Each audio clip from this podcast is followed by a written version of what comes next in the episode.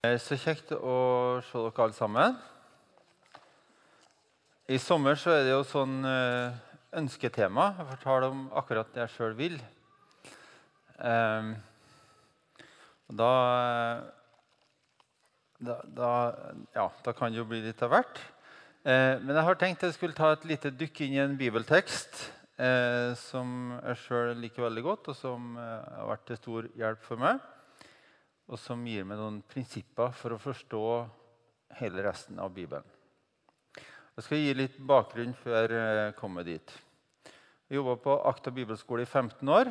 Eh, siste fem årene på IMI institutt. Og hvert eneste år har jeg sett eh, folk som kommer inn og eh, vokser og utvikler seg noe enormt åndelig og personlig i løpet av det ene året eller de årene eh, de går her. Både, for, både, altså både, i forhold til Gud, i forhold til seg sjøl, i forhold til andre mennesker, i forhold til tjeneste. Så det er noen berg-og-dal-baner. Det er noe opp og ned, det er noen glatte svinger. Eh, det er noen humper i veien, og noen stopp underveis, kanskje. Men å komme til avslutningsfesten hvert år og høre vitnesbyrdene, det er nydelig. Bare Ja. Det er lønningsdag eh, og, og få, få, høre på disse vitnesbyrdene. Fortellingen om hva Gud har gjort i livet. Og så vet vi at det beste av det, det er at det bare er starten. Eh, jeg har sett folk vokse. Men jeg har aldri sett noen vokse i sin relasjon med Gud over lengre tid uten at Bibel og bønn har vært helt sentralt i livet.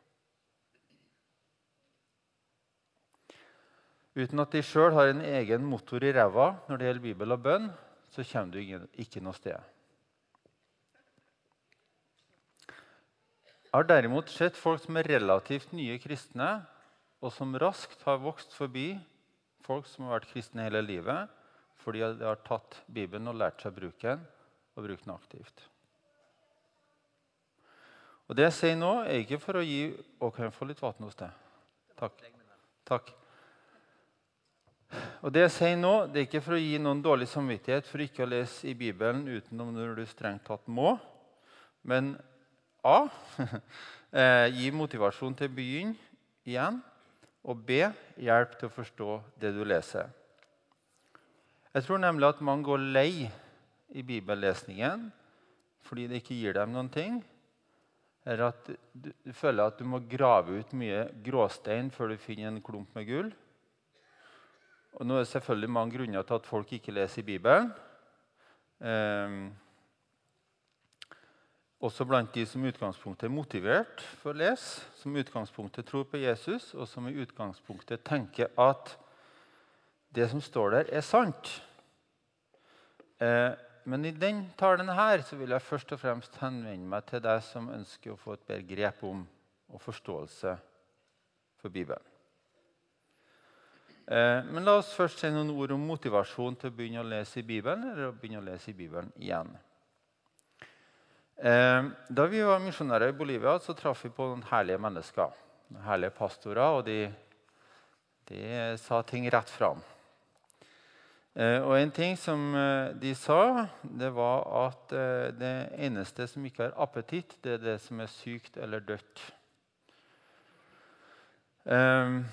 Som med andre ord, hvis du har mista appetitten på Guds ord, så kan det være noen ting å ta tak i. Um, og det er ingen andre enn du som har ansvar for ditt åndelige liv. På samme måte som du har ansvar for å spise, sove um, og alt det andre du trenger å gjøre med kroppen din, så har du ansvar for ditt åndelige liv.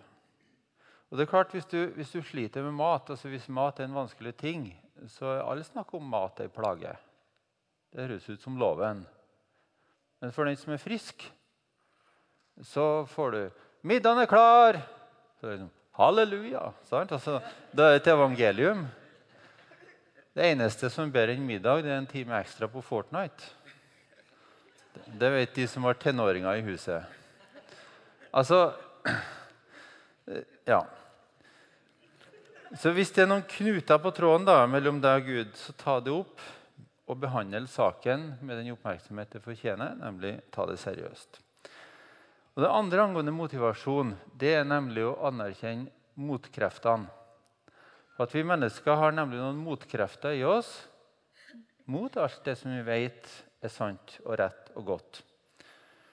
Eh, Grundtvig, eh, Nikolai Severin Fredrik Grundtvig, den danske salmedikter, folkehøyskolenes far, han skrev mange salmer. og han og blant annet har han en strofe her. Akk, nu føler jeg til fulle hjertets, hårets, hjertets kulde. Altså det, det, gjelder jo ikke bare bibellesning, men det gjelder veldig mye. Eh, altså Mot trening, f.eks. Altså rundt nyttår så er treningssentrene fulle. Da har du nyttårsforsett. Og, og, så må du ha årsabonnement. vet du, Bindingstid og greier. sant? Og utover våren så kjenner de mer og mer på folk som ikke er der. Sant? Så Det dabber av, dabber av litt sånn utover våren. Eh, så, så det, er en, det, er en, smart forretningsmodell. da. Um, det handler om å sko seg på folks manglende evne til å gjennomføre sine forsetter. uh, nei da, jeg kunne harselert mye over det. Men, men eh, eh, vi har motkrefter mot det åndelige òg i vår falne menneskenatur. Eh, og, og det styrer oss hvis vi ikke vi tar et oppgjør med dem. Så spørsmålet er hva gjør du med disse motkreftene, og lar spørsmålet ligge i lufta ubesvart. Eh, og Det tredje angående motivasjon det er å få en god dose med Den hellige ånd. Eh, den hellige ånd gir oss kjærlighet til Gud, kjærlighet til, vår, eh, til de menneskene som er i det fellesskapet vi leser Guds ord sammen med, og kjærlighet til Guds ord. Eh, og la oss si med Grundtvig igjen, da. Derfor beder jeg til fulle led, eh, Nei, unnskyld. Derfor beder jeg med tårer. Leder, led den inn i mine årer floden som kan klipper velte. Altså det som er forsteina, det som er hardt. At det kan velte. Floden som kan isbjerg smelte. Altså det som er kaldt inni oss. Altså tre ting. Én, still diagnosen. To, anerkjenn motkreftene. Og tre, inviter Den hellige ånd inn i ditt liv. Inn i alt, egentlig. Eh, så tror jeg du er på god vei eh, når det gjelder motivasjon eh, til å ta opp din bibel og lage noen rutiner som funker for deg. Og så var Spørsmål nummer to nemlig det som går på forståelse. Det skal vi bruke mest tid på. Eh, og jeg tror at en del av oss har gått som jeg nevnte i innledningen, gått sur i bibellesningen. Blitt litt melkesyre, kanskje. Fordi at vi eh, at det ikke gir så mye tilbake. Um, og um, et av de spørsmålene som jeg får av og til, det er hva i Bibelen er det som gjelder for oss i dag, og hva er det som ikke gjelder for oss i dag? Dette tar jo folk kirkesplittelser på. Det har jo skjedd mange ganger opp gjennom historien. Hvordan skal jeg forholde meg til alle mulige bud? Hvordan skal jeg vite hva som er sagt til noen spesifikke, og hva som gjelder til alle mennesker til alle tider og steder? Noen ting er det jo enkelt å finne ut av. Andre ting klarer vi med litt arbeid. Og andre ting igjen blir vi rett og slett ikke enige om. Så går vi rundt og kaller hverandre vranglærere og hyklere. Vi skriver avisinnlegg i Dagen og Verdidebatt og på personlige blogger. Og så trekker vi ned rullegardina, bygger opp skyttergraver, og så har vi noe ammunisjon. Bygger et forsvarsverk rundt egne meninger. Samtidig så er en hel verden, en hel generasjon, som desperat trenger et møte med Jesus. Kan vi heller bruke litt tid på å vise litt godhet? På å spørre Gud hva, hva har du å si? Til og hvordan skal vi forholde oss til alle mulige etiske diskusjoner som er i samfunnet, politikken osv. Det går på samliv, det går på menneskets verdi, det går på klimaøkonomi og mange andre saker. Og i år er det valg. Um, og mitt råd til dere alle er engasjer dere, men lytt til Gud først.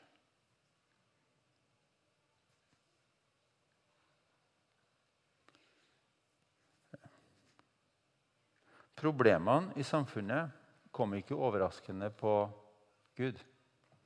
Han vet om dem. Han har også svar, men han vil at du skal være med på dem. Du er en del av løsningen. Lytt til Gud. Men ikke skyld på at Gud er taus hvis din bibel er lukka.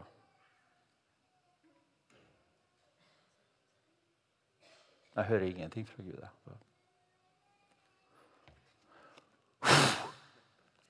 Sånn. Nå skal vi foreta et lite skifte her. og Da foreslår jeg at du tar opp din mobil. Eh, og så åpner du Kahoot-appen eller inn på Kahoot-sida. Så skal vi ta en meningsmåling på Kahoot. Eh, vi skal ha en liten uhøytidelig meningsmåling. Hva dere tenker. Og Det gjelder da særlig det som oppfattes som det vi kaller for normativt og autoritativt. Altså hva gjelder for oss i dag? Og Jeg skal ta eh, bibelvers eh, eller, som er tatt ut av sin sammenheng. Og så kan dere være med og mene noe om det. Og så skal jeg notere meg hvordan vei tendensen går her. Skal jeg ta ned her? Er kanskje sånn at dere kan se, dere som sitter på første rad? Å, Har du det, Øyvind? Snart. Kommer snart en sånn uh, PIN-kode. Du får ikke noe poeng her, da. Du, bare, du blir bare et nummer i rekken. Skal vi se.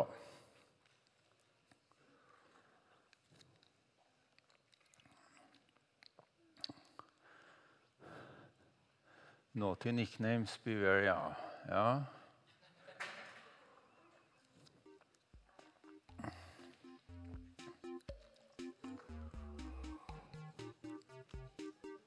Jeg fikk jo litt musikk òg. Det er veldig bra.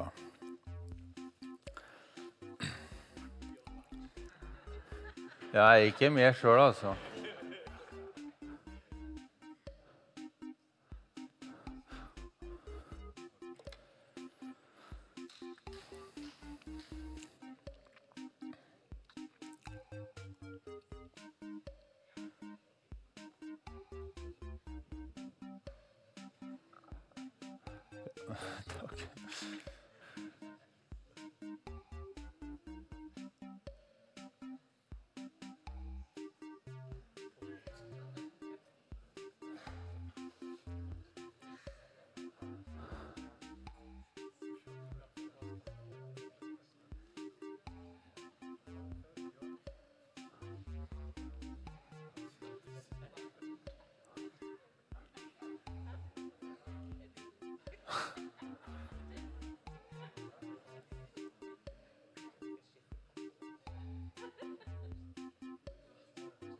Da har det stoppa litt opp, så jeg tror at vi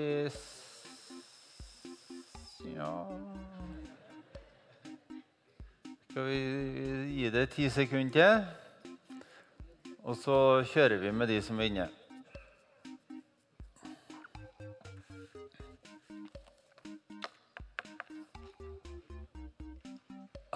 OK. Kan vi kjøre på start?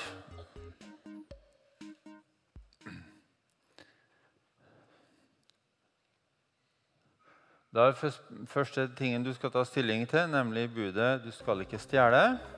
Gjelder det for oss i dag, eller gjelder det ikke for oss i dag?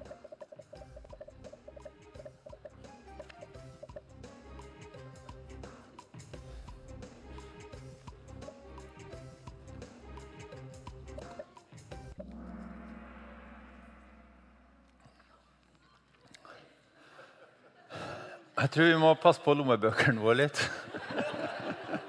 Det er fire stykker her som er tvilende. Ja. Vi tar neste. Det er det som Paulus sier da, til Timoteus. Når du kommer, må du ta med deg kappen som er lot bli igjen i troas hos Karpos. Gjelder det for oss i dag, eller gjelder det ikke?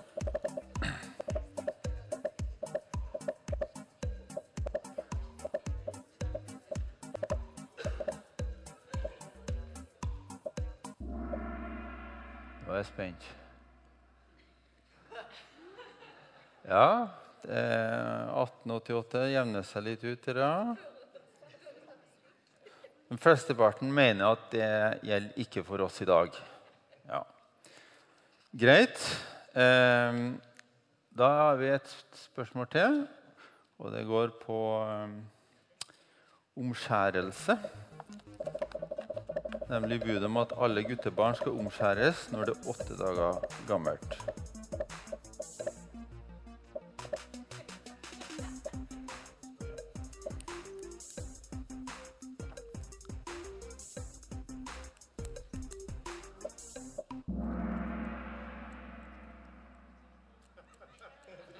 Ja, det er da òg en klar tendens, ser jeg. Ja. Det tredje går òg på en sånn eh, lignende ting, eh, nemlig hva vi kan ha til middag.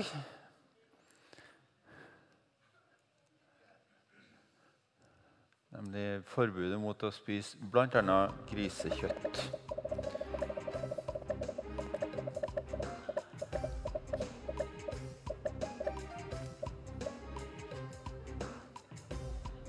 Og dette er altså før eh, Mattilsynet har vært på besøk.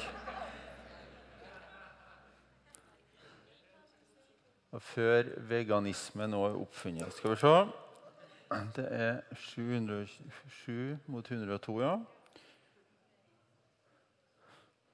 Så de fleste av dere spiser grisekjøtt med god samvittighet overfor Gud.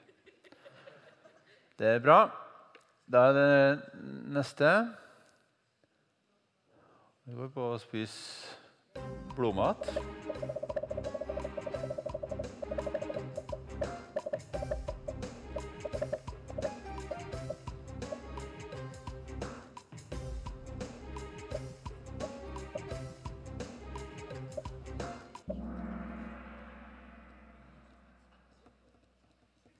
Det litt mer usikker. Javna seg litt ut, ja.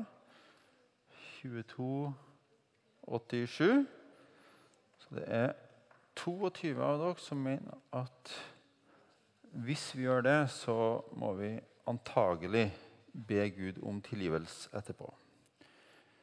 Eh, da er det altså Det skal over til Det nye testamentet, Romerbrevet.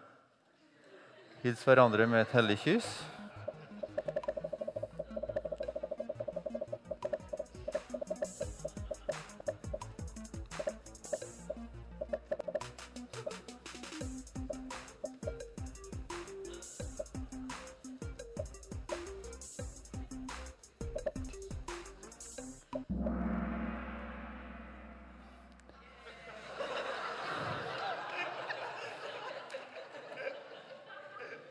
Var det hellig eller kyss dere ikke forsto? Nei da. uh, ja vel, skal vi se hvordan skal Den jeg vet jeg, vet jeg jammen ikke hvordan jeg skal forholde meg til. Ja, Det må jeg tenke litt på. Uh, så vi har én igjen. Gå og gjør alle folkeslag til mine disipler, altså Jesus sine disipler. Blir det noe tull her, så må vi få fram eh, internasjonal avdeling. en ny video, ja.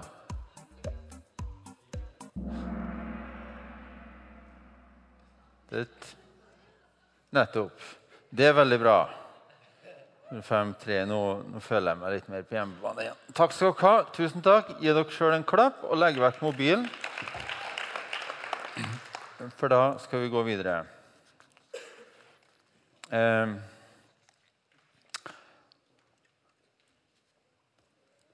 er det sånn at budene i Det gamle testamentet er ute, mens alt i Nytestamentet gjelder. Eh, det har jo dere svart at det ikke er helt sånn.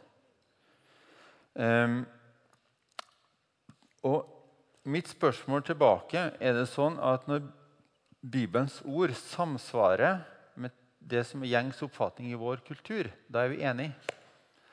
Men hvis det krasjer med det som er liksom gjengs oppfatning i vår kultur, da trekker vi oss litt mer tilbake. Så kultur er et stikkord her.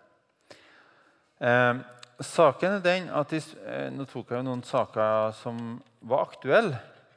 Eh, veldig aktuelle for apostlene eh, rett etter Jesu himmelfart. Eh, men disse spørsmålene er ikke noe vi blir ferdig med en gang for alle, men som enhver kultur, enhver generasjon, må ta med ujevne mellomrom. Og Da er det to grøfter. og det er to, altså to renn... To sånne eh, Og når jeg snakker om grøft, så snakker jeg om rennestein. altså. Da snakker jeg om der det renner kloakk eh, som vi må styre imellom. Og Den ene grefta eh, det er de som sier at alt er greit. Jesus fordømte ingen, derfor kan ikke vi si ting som støter folk. Jeg vil si at De ofrer sannheten på toleransens alter. Og de har mista evne og vilje til å være lys og salt i verden. Noen tar det så langt at du trenger ikke Jesus for å bli frelst. Det er nok å, bli, nok å være fattig eller på en annen måte marginalisert. Problemet er at det gjøres i beste mening med de aller beste hensikter. Andre grøfta, også i beste hensikt, for det er ikke motivene det er noe galt med her. Det er de som kjører en mer sånn, kan vi kalle bokstavtro linje. da, og det, er en stor pietistisk pekefinger oppi nesen. Der alt er synd. Og jeg vokste opp i et miljø der kortspill er synd. Eh, kino er synd. Alkohol er synd. Dans er synd. Og rockemusikk. Så kristenrock det var et umulig begrep. For hvis det var kristent, så var det ikke rock. Og hvis det var rock, så var det ikke kristent. Um, og det var ikke noe sånn stort problem for meg da. Uh, kanskje det med rocken var det verste. Uh, for jeg har jo stort sett innretta meg på et eller annet vis. Uh, men problemet er hvis det lages en dørstokk inn til våre fellesskap med påskriften 'Du skal ikke', og at den blir så høy at vi ikke får øye på Jesus der inne. Det, det er et problem. Apostelens gjerninger er det en bok som jeg tenker har svaret, eh, veldig mange svar til oss. Først har vi Jesu himmelfart. Så har vi pinsedag, der de blir fylt av Den hellige ånd så har vi at de går ut eh, altså forfølgelser da, så har vi at de går ut eh, med evangeliet til hele den kjente verden på den tid. Eh, og at de gikk både til sitt eget folk, jødene, men også til alle andre folkeslag som gikk under stekkebetegnelsen hedninger. Eh, og vi, med vår kulturbakgrunn, vi har vanskelig for å forstå den motsetningen det var mellom jøder på ene sida og alle andre på den tida. Vi klarer ikke å forstå det, for vi føler ikke noe i forhold til det. Jeg føler ikke meg uvel av å spise sammen med noen som ikke er omskjært. Jeg føler ikke meg uvel om det ligger en syltelabb på kjøkkenbenken.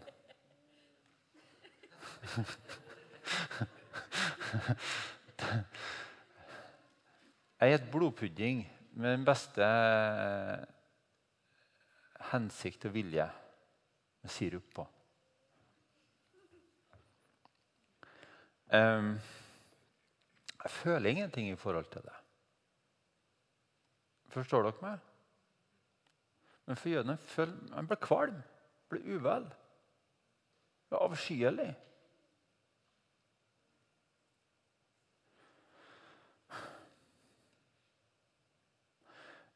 Så da ble det konflikt i, i, i disse menighetene.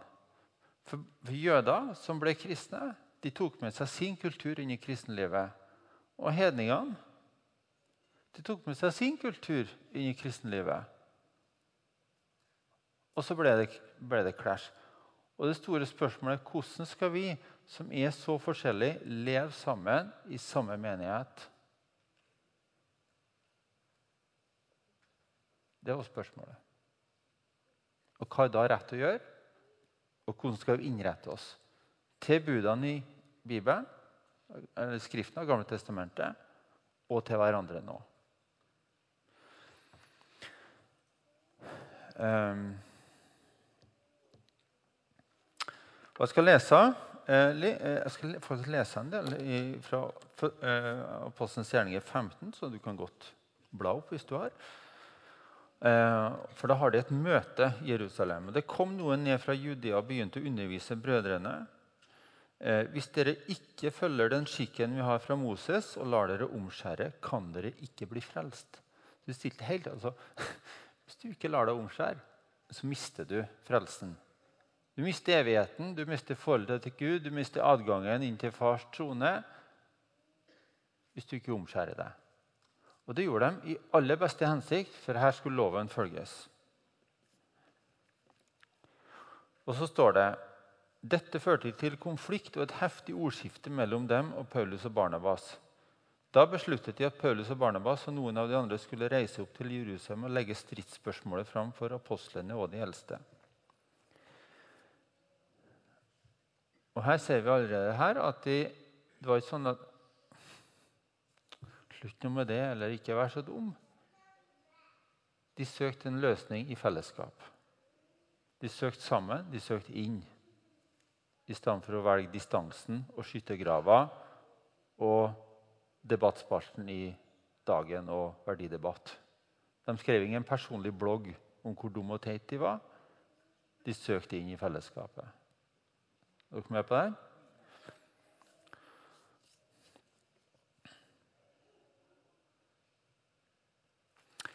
Menigheten Ja, jeg hopper litt her. Da, da, ja, vers 4. Da, da de var kommet fram til Jerusalem, ble de mottatt av menigheten, apostlene og de eldste, og de fortalte dem om alt det Gud hadde gjort gjennom dem. Men noen fra fariserpartiet som hadde kommet til tro, sto fram og hevdet de må omskjæres og pålegges å holde Moseloven. Så kom apostlene og de eldste sammen for å drøfte saken. Etter et hardt ordskifte reiste Peter seg og sa til dem.: Brødre, dere vet at Gud for lenge siden utvalgte meg blant dere, så hedningene skulle få høre evangeliets, evangeliets ord av min munn og komme til tro. Og Gud, som kjenner menneskets hjerte, ga dem sitt vitnemål, at de fikk Den hellige ånd slik som vi. Og Det er litt interessant, akkurat det her. For vi sier ofte 'Hvordan vet du at du har Den hellige ånd?' Jo, for at jeg tror på Jesus. For Peter var det motsatt. For de har fått Den hellige ånd. Det er noe som Gud gir. De har fått Den hellige ånd. På det vet vi at Gud har akseptert dem. For det vet vi at, at Gud har tatt imot dem. De har tatt imot Den hellige ånd, slik som vi. Vi hører evangeliet. Gud har akseptert dem, derfor må vi akseptere dem. Han gjorde, vers 9, han gjorde ingen forskjell på oss og dem, for ved troen renset han hjertene deres. Hvorfor utfordrer dere da Gud å legge på disiplene snakke et åk som verken våre fedre eller vi har maktet å bære? Nei, vi tror at vi blir frelst av Herren Jesu nåde, vi på samme måte som de. Da ble hele forsamlingen stille, og de hørte på Barnabas og Paulus som fortalte om alle tegnene under Gud hadde gjort blant hedningene gjennom dem. Så de hørte på vitnesbyrdet. Og så kommer det eh, at de, at de viser til profetien i Det gamle testamentet eh, om at evangeliet skal komme til alle folkeslag. Og så i vers 19. Derfor mener jeg at vi ikke skal lage vanskeligheter for de hedningene som vender om til Gud. Men vi skal skrive til dem at A. De skal holde seg borte fra det som er gjort urent ved avgudsdyrkelse. Altså de kun ete kjøtt som var eh, de, ikke, de, skulle ikke ete kjøtt som har vært på et avgudsoffer, og fra hor, fra kjøtt fra kartedyr og fra blod. Og så kommer det en interessant tillegg. For Moses har fra uminnelige tider hatt noen som forkynner ham i alle byer, og han blir opplest i synagogene hver sabbat. Jeg skal komme tilbake til det. Um, og Her ser vi at de navigerer mellom de to grøftene. På ene sida så sier de det er, ikke alt, alt, det er ikke sånn at alt er greit, lev som du vil. Og de sier heller ikke nå skal vi holde alt bokstavelig. Nei, de en, gjør dette som et fellesskap, og de gjør det i fellesskap. To, de lytter til vitnesbyrdene, særlig om at hedningene har tatt imot Den hellige ånd som et bevis på at Gud hadde tatt imot dem. Og tre, eller C, eller Romertall 3, nei, viser at Moseloven klarer ingen å holde, heller ikke jødene. Og da må vi ikke være mer streng med de andre enn vi er med oss sjøl. Og så viser de at det som kommer fram i vitnesbyrdene, det er det som profetene i Gammeltestamentet har profetert om, vil skje. Så nå har det gått i oppfyllelse, det som er sagt ved Amos. Derfor må vi være oppmerksomme. Og Summen av det at de skal ikke gjøre det vanskelig for folk å bli kristne og være kristne. De skal ikke lage en høy terskel, men de skal rydde veien for evangeliet. Men de skal heller ikke gjøre det vanskelig å forkynne evangeliet for jødene i alle byene. For hvis, hvis, det var sånn at de kristne reiste rundt i disse byene rundt Middelhavet og spiste hva de vil, og, og liksom ikke tok hensyn til jødene, så ville aldri en ikke-kristen jøde høre på det de hadde å si om Jesus. For de ville bare Så det handler altså og Paulus til en annen plass For en jøde ville være en jøde, for en, jøde, en greker ville være en greker jeg tilpasser meg kulturen der jeg kommer. Unnskyld.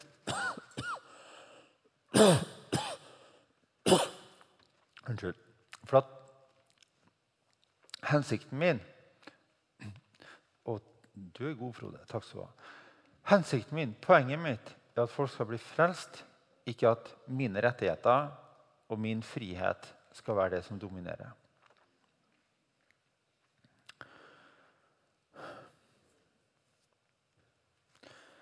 Um,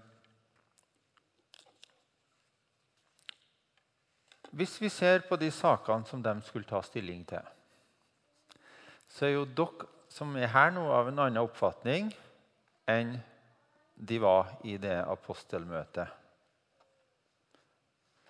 For dere, flertallet av dere Skal vi se Flertallet av dere mener at Eh, omskjærelsen ikke viktig. Eh, gris helt ok å ete. Blod Ja, det var riktignok en eh, Riktignok litt mindre overvekt her, da, men flesteparten mener fortsatt at det er helt greit å ete blodmat. Så dere har en annen oppfatning enn de var i apostelmøtet der. Men det var dette de skulle reise rundt i menighet etter menighet og skulle si Den hellige ånd og vi har besluttet dette skal holde dere til.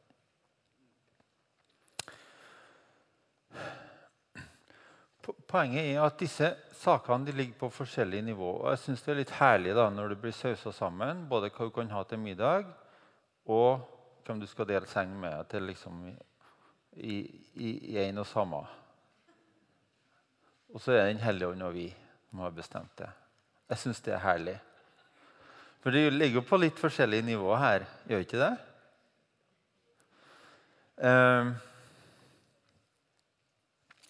Um, det står Den hellige ånd når vi har bestemt, eh, i vers 27. Uh, eh, vi sender altså Judas og Silas som skal fortelle samme muntlig. De skriver et brev da, til disse menighetene. Den hellige ånd, og vi har besluttet å ikke legge noen annen byrde på dere enn disse helt nødvendige tingene. Helt nødvendig at dere holder dere borte fra kjøtt som er ofret til avgudene. Og da, Hvis vi skulle ta det helt bokstavelig, da skulle vi ikke ete kylling som er slakta på Halal-slakteriet på Ytterøya. Fra blod, fra kjøtt av kvalte dyr og fra hor. Om dere passer dere for slikt, vil det gå dere godt. Lev vel.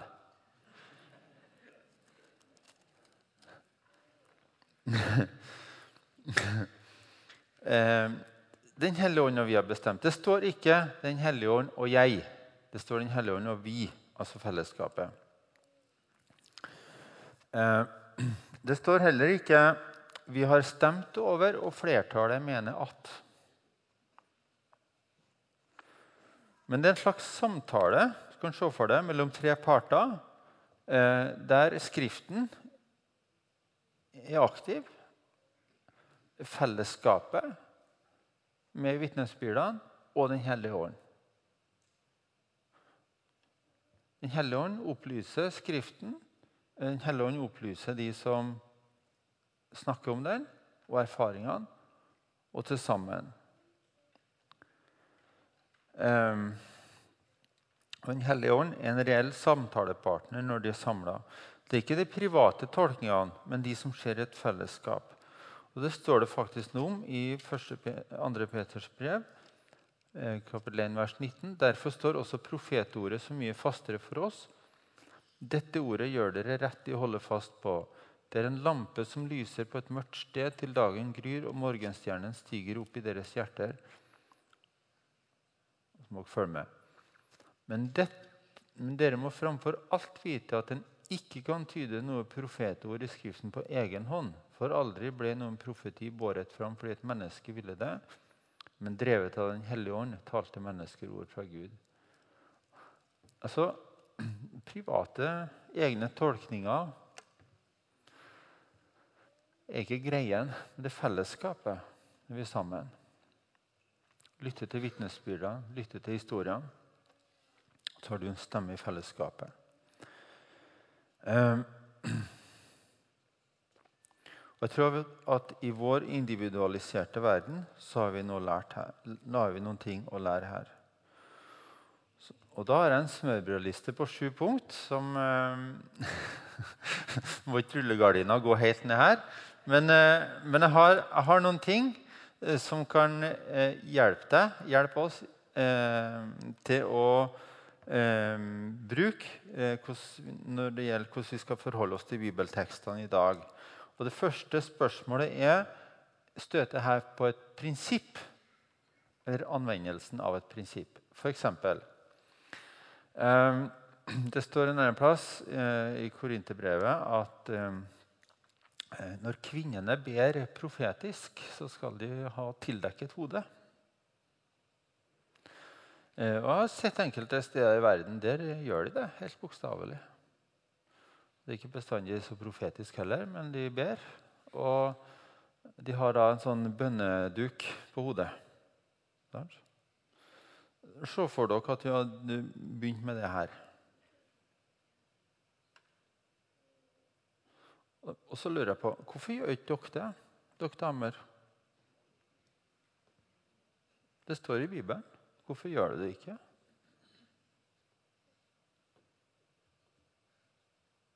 Det er fordi du tenker at det er anvendelsen av et prinsipp. Det er ikke prinsippet. Prinsippet går på å underordne seg hverandre, på en eller annen måte. men i den kulturen Paulus skrev, så var det en måte man gjorde det på. Og da skjønner vi at det gjelder ikke for oss i dag.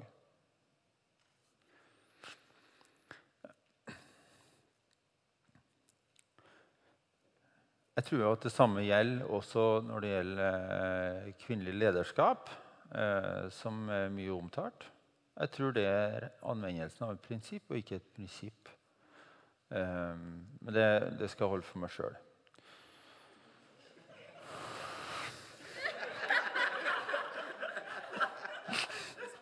Hvordan ble det? Ja, ja.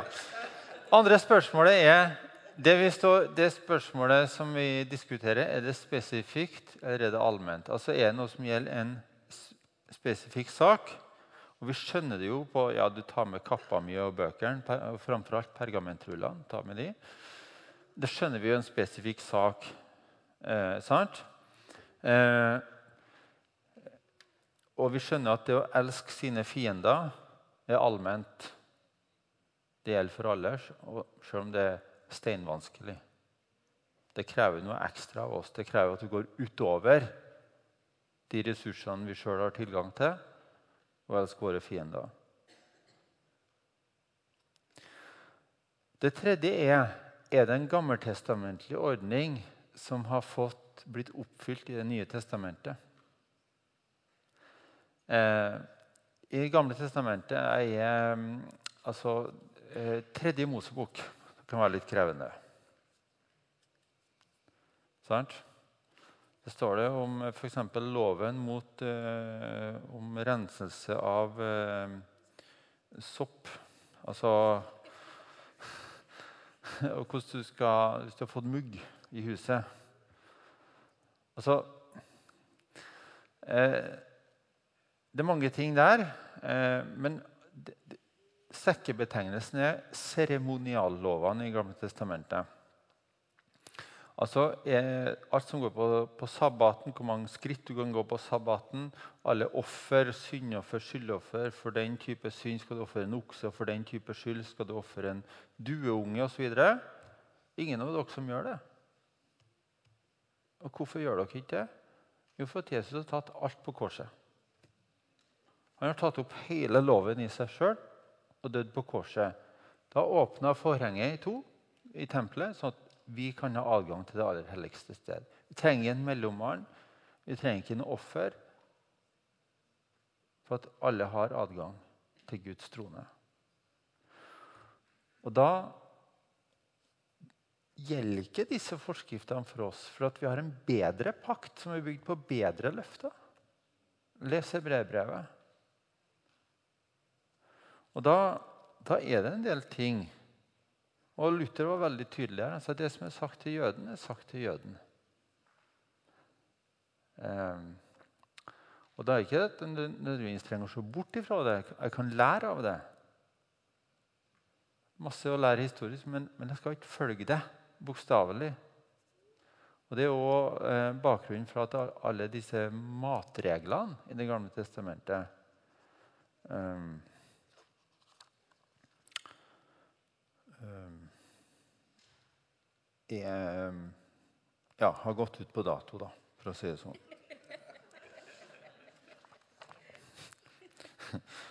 På den andre sida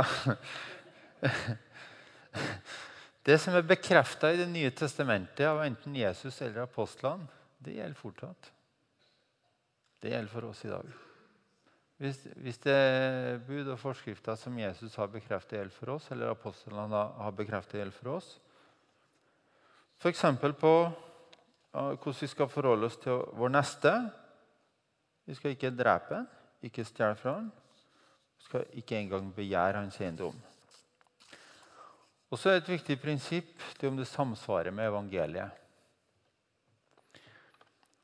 Hvis det vi leser og høre. Sette oss fri, Sette andre i frihet Er det tilgivelse, er det nåde, er det ny start, er det sannhet? Det var Martin Luthers store oppdagelse det var når han skjønte at ja, det er ved tro at vi blir frelst. Ved Guds nåde, av Guds nåde og ved tro så blir vi frelst. Vi trenger ikke noe mer. Bare ved å ta imot uten å ha en sånn skryteliste. 'Jeg har fått til det og det og det.' og det. Hvis vi begynner å lage tolkninger der våre meritter, våre seirer At det er noe vi, av det vi har fått til, at vi begynner å bli stolt overfor Gud. Ha-ha, Gud, nå ser du at jeg har eh, gjort sånn og sånn og sånn. Da kan du vel høre min bønn. Da, da, da, da er du ute. Altså det, det, det er ikke i samsvar med evangeliet.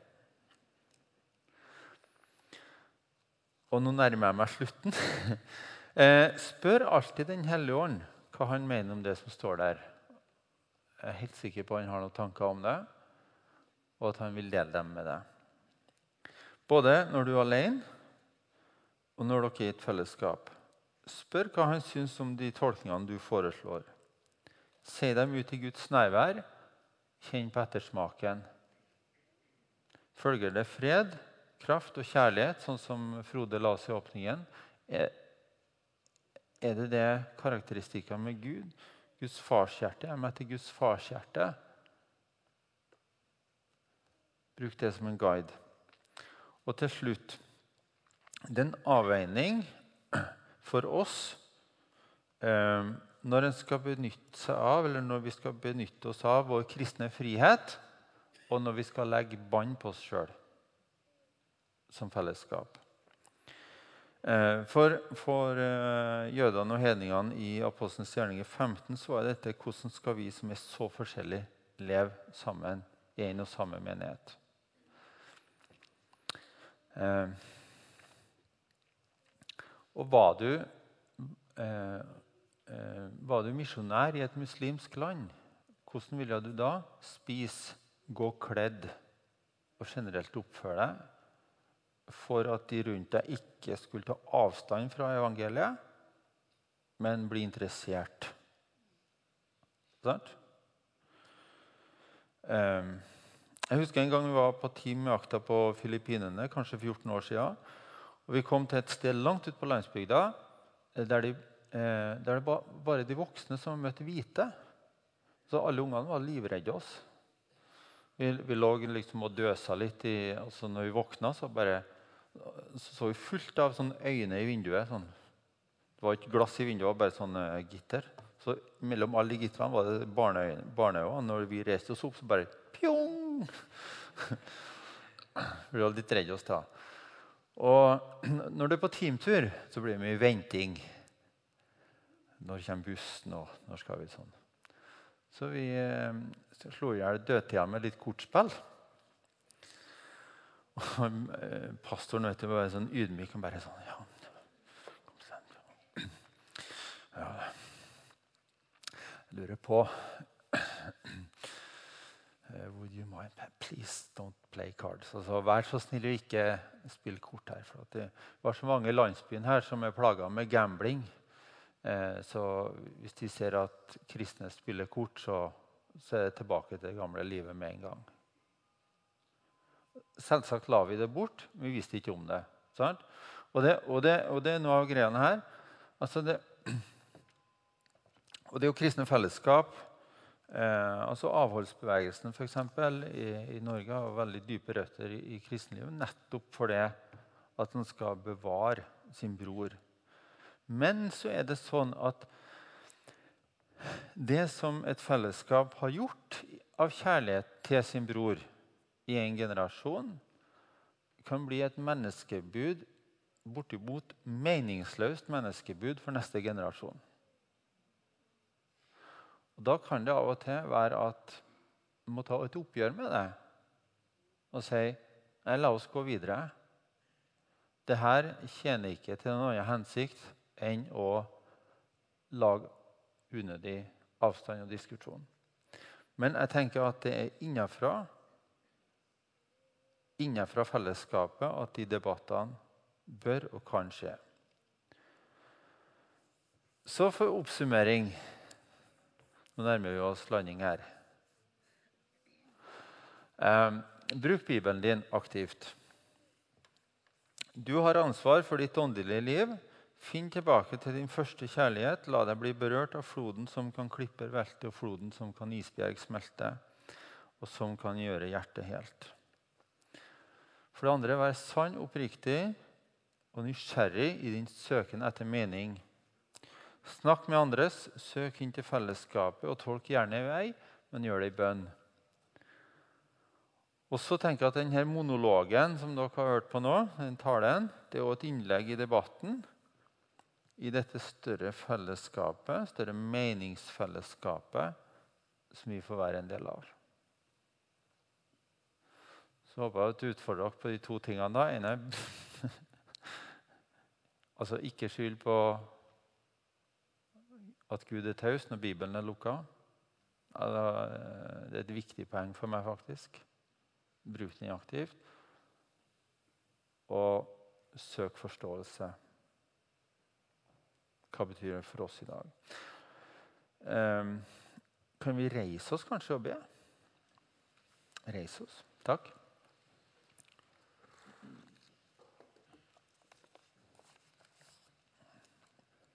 Jesus, jeg takker deg for ditt ord.